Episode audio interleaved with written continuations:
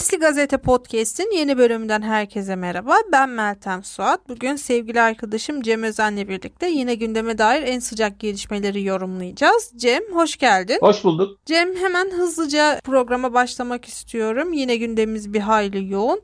E, şunu sorarak başlayayım. Şimdi ee, seçim sonrasında gerek hayat tarzına yönelik olsun, gerek ülke yönetimine ilişkin olsun, İslami siyaset hatta bir diğer talep de e, şeriat taleplerini daha yüksek sesle dile getirildiğini duyuyoruz. Sence bu çağrıların karşılığı var mı? Şimdi seçim döneminden sonra gerek sosyal medyada kendine hoca diyen bazı zatlar, e, gerek e, yeniden Refah ve Hüdapar gibi partilerin genel başkanları ciddi anlamda şeriat istemeye başladılar. Sence bu çağrıların karşılığı var mı ve Türkiye siyasetini nasıl etkileyecek bu çağrılar? Evet seçimden sonra daha önce bu kadar yüksek bir tondan, bu kadar güvenli bir tondan bu tip çağrılar olduğunu duymamıştık. Gerçekten son dönemde artık belirli talepleri, bunlar karma okulların kaldırılmasından tut, LGBT bireylerin artık toplumdan dışlanması, bunun gibi pek çok talebi kendilerince dile getiriyorlar. Aslında birazcık masaya koyup didiklediğinde talep olarak ortaya koydukları şeyin birer hezeyandan öte bir şey olmadığını görüyoruz. Yani elbette bir karşılığı var. Ki karma okulların kaldırılması, kız erkek ayrı okula gitmesi. Ama mesela onun nasıl gerçekleşeceği, ne şekilde olacağı bunlar hep havada şeyler. Ben bunların zaten olsun diye değil, belirli bir siyasi rüzgar yaratmak için yapıldığını düşünüyorum. Çünkü gerek Hüdapar olsun, gerek Yeniden Refah Partisi olsun, gerekse siyasi parti olmayıp tarikat, cemaat gibi belirli çevreler olsun. Bunlar kendi tabanlarını tutabilmek, kendi gemilerini yürütebilmek, kendi ceplerini doldurabilmek, cepten kazı sadece para diye düşünmeyelim. Bunları gerçekleştirebilmek için bir rüzgar yaratmak durumundalar. Yani Hüdaparlı insanlar diyecek ki siz meclise gittiniz, e ne yaptınız?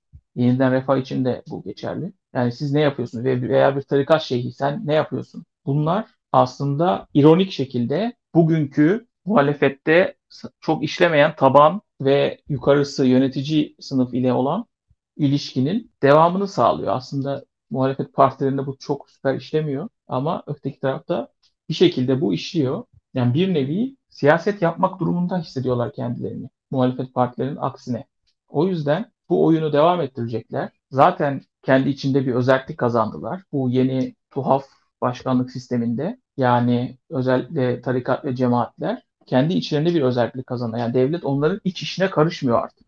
İşte nasıl eğitim, ne şekilde eğitim veriyorlar, hangi faaliyetlerde bulunuyorlar. O içerideki yapıya devlet veya hükümet diyelim iktidar karışmıyor, bırakıyor. Çok büyük skandallar da sadece gündeme geliyor. Zaten onların da istediği o. Ya bize bir karışmasın devlet. Biz kendimiz at koşturalım. Ki herhalde yani Cumhuriyet tarihinde tarikat ve cemaatler en rahat oldukları dönemi yaşıyorlar. Burada belki yeniden refaha bir parantez açmak lazım. Yaklaşan yerel seçim öncesinde Fatih Erbakan bir pazarlık masası açmışa benziyor. Bir yandan sert şekilde eleştiriyor AKP iktidarını. Mesela orta vadeli program açıklanmıştı. Yeniden Refah Genel Başkanı Fatih Erbakan şöyle dedi. Milletimizin faydasına olmaktan uzak bir program olduğunu maalesef görüyoruz. Bu OVP'nin milletin derdine derman olamayacağını üzülerek de olsa ifade ediyoruz. Böyle bir ton belirledi kendine. Katıldığı bir televizyon programını izledim. Orada da her ilde kendi adaylarını çıkarmak istediklerini, kendileri seçime girmek istediklerini söyledi. İşte Deva Partisi veya Gelecek Partisi'ne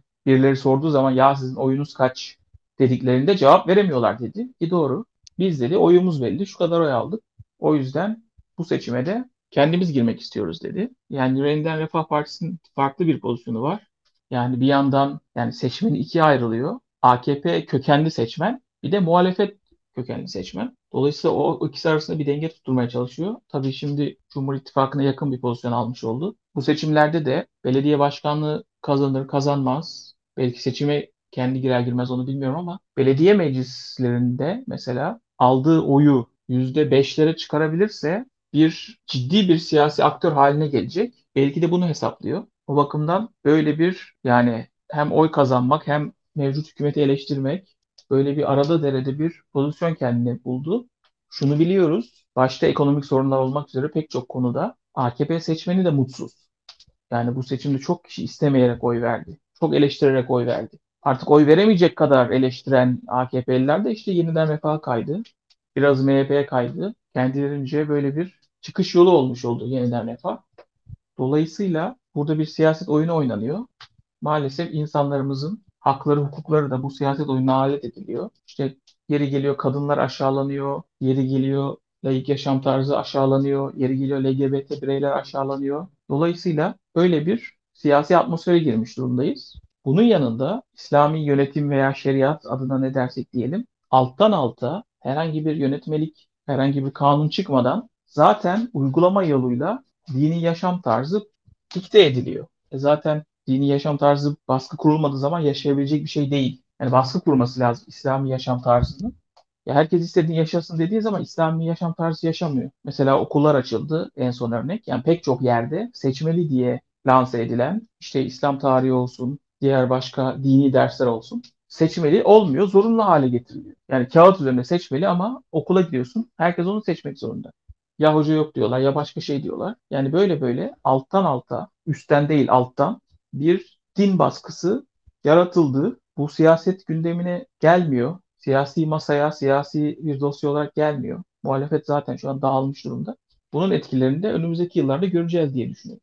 Şimdi Cem e, şu da var e, tamam biz bu şeriat tartışmalarını tartışıyoruz evet hani hem Hüdapar hem Yeniden Refah Partileri sıklıkla şeriat taleplerini dile getirmeye başladılar. E, önce İstanbul'da alkol alımının açık alanlarda yasaklanması valilik kararnamesiyle ardından yeniden refahın halkımıza soralım bakalım şeriat istiyor musunuz e, açıklaması ve Hüdapar'ın biz şeriatı getireceğiz açıklaması. Ondan öncesinde bir karma eğitim tartışması vardı ki geçtiğimiz günlerde Milli Eğitim Bakanı da e, karma eğitim kız okullarının açılması için herhangi bir yasal ve hukuki engel yok dedi. Ya ben şunu düşünüyorum. Yeniden refahın aslında söylediği şeyde ciddi bir e, paradoks var. Şeriat halka sorularak getirilecek bir e, uygulama değil, bir yönetim biçimi değil. Şimdi siz halka gidip tercih mürünü bastırarak İslamiyetle mi yönetilmek istiyorsunuz? Yoksa e, demokrasiyle, layıklıkla mı yönetilmek istiyorsunuz diye soramazsınız. Kendi içinde bir çelişki var. Yani biz kendi kendimize gidip biz şeriat istiyoruz diye referandum yapamayız. Hani bunu bilmeden yani iki bilinmez iki olmazı bir araya getirerek e, şeriatla demokrasi iç içe geçirmeye çalışıyorlar. Öyle bir şey yok. Sevgili yeniden refahlılar. E, şeriatla demokrasi yan yana gele, gelemeyecek iki zıt kelime. Çünkü şeriat bir yanda Allah'ın hükmüyle yönetilmek, öbür tarafta Allah'ın hükmüyle yönetilme isteğini halka sormak demek. E ben şunu da düşünüyorum. Şimdi biz halk olarak e, günlerdir, aylardır şeriat tartışıyoruz sosyal medyada. Ancak biz bunları tartışırken aslında e, Türkiye Cumhuriyeti'nin layık Türkiye Cumhuriyeti'nin koruyucusu ve kollayıcısı olan ki seninle bir önceki bölümde de konuştuk. Cumhuriyet Halk Partisi var. Geçtiğimiz bölümde onunla onun 100. yılını kutlamasını konuştuk seninle. Layık Cumhuriyet'in koruyucusu parti bu ve aynı zamanda ana muhalefet partisi. Ancak ana muhalefet partisi laikliğe zeval getirecek bir olayı tartışmak yerine şu an kendi içinde sandalye kapmaca oynamakla meşgul.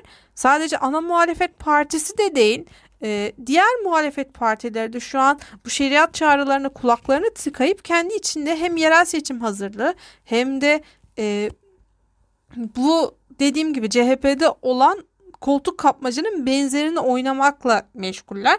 Bu durumda her şey gene halkın üstüne kalıyor. Biz halk olarak her şeyi kendi sırtımıza alıp e, bunları sosyal medya üzerinden çözmeye çalışıyoruz. Aslında çok trajik bir olay bu. Yani ayrıca bir husus daha var. Biliyorsun geçtiğimiz aylarda e, sosyal medyada ciddi e, konuşulan bir ses kaydı vardı. Konya Necmettin Erbakan Üniversitesi'nde e, şer'i hukuk hocası olan Muhammed Ali Çağlar gittiği Suudi Arabistan'da aleyhinde hiçbir delil ve şikayet olmamasına rağmen tutuklandı ve, ve e, kendisi şer'i hukuk hocası olmasına rağmen gerçek şeriatla yüzleşince ben burada akıl sağlığımı kaybetmek üzereyim diye ses kaydı yayınladı. Biz hepimiz bu videoyu izledik, dinledik ve hani kendisi şer'i hukuk savunan bir akademisyen şer'i hukukun içine girince ben akıl sağlığımı kaybetmek kaybetmek üzereyim diye bir ses kaydı yayınladı. Yani bu şeriat isteyen zatlar ki bazıları var işte sosyal medyada diyorlar ki şeriat gelince her ilde eşimiz olacak. İşte şeriat gelince şöyle böyle olacak. Ya şeriatla yüzleşen akademisyen gidip hani ben artık dayanamıyorum akıl sağlığımı kaybetmek üzereyim diye ses kaydı yayınlıyor. Hani bu aslında çok da hafife alınacak bir olay değil. Bu şeriat isteyenler sanki bu olayı çok nasıl desem sempatikleştirmeye çalışıyorlar gibi. E böyle bir şey olunca sanki şeriat çok sempatik bir yönetim biçimiymiş gibi. Hayır, gerçek şeriat bu değil arkadaşlar. Hani gerçek şeriatın içine girince aynı Muhammed Ali Çağlar'da olduğu gibi hani ben buradan kurtulmak istiyorum diye ağlarsınız. Peki Cem e, manşetimize atmadan önce eklemek istediğim farklı bir şey var mı? Ben bir yorum yapmayacağım. Sesli Gazete'nin bir bölümün daha sonuna geldik. Ee, bugün Sesli Gazete'nin manşetinde hem sosyal medyada bazı zatlar tarafından hem de siyasetçiler tarafından sıklıkla dile getirilmeye çalışılan şeriat taleplerini konuştuk. Sesli Gazete'nin geçmiş bölümlerini yeniden dinlemek ve yeni bölümlerimizden haberdar olmak için bizleri Spotify, iTunes ve Google Podcast kanallarımızdan takip edebilirsiniz. Ayrıca Daktilo 1984'ün diğer içerik ve yayınlarına göz atmak için web sitemizi ziyaret etmeyi, podcastimizle ilgili her türlü görüş ve öneriniz için Twitter slash Ahmet Cem Özer ve Twitter slash Meltem Suat adresleri üzerinden bize ulaşmayı ve son olarak Daktilo 1984'ün YouTube kanalına abone olup katıl butonuna tıklayarak bizleri desteklemeyi unutmayın. Hoşçakalın.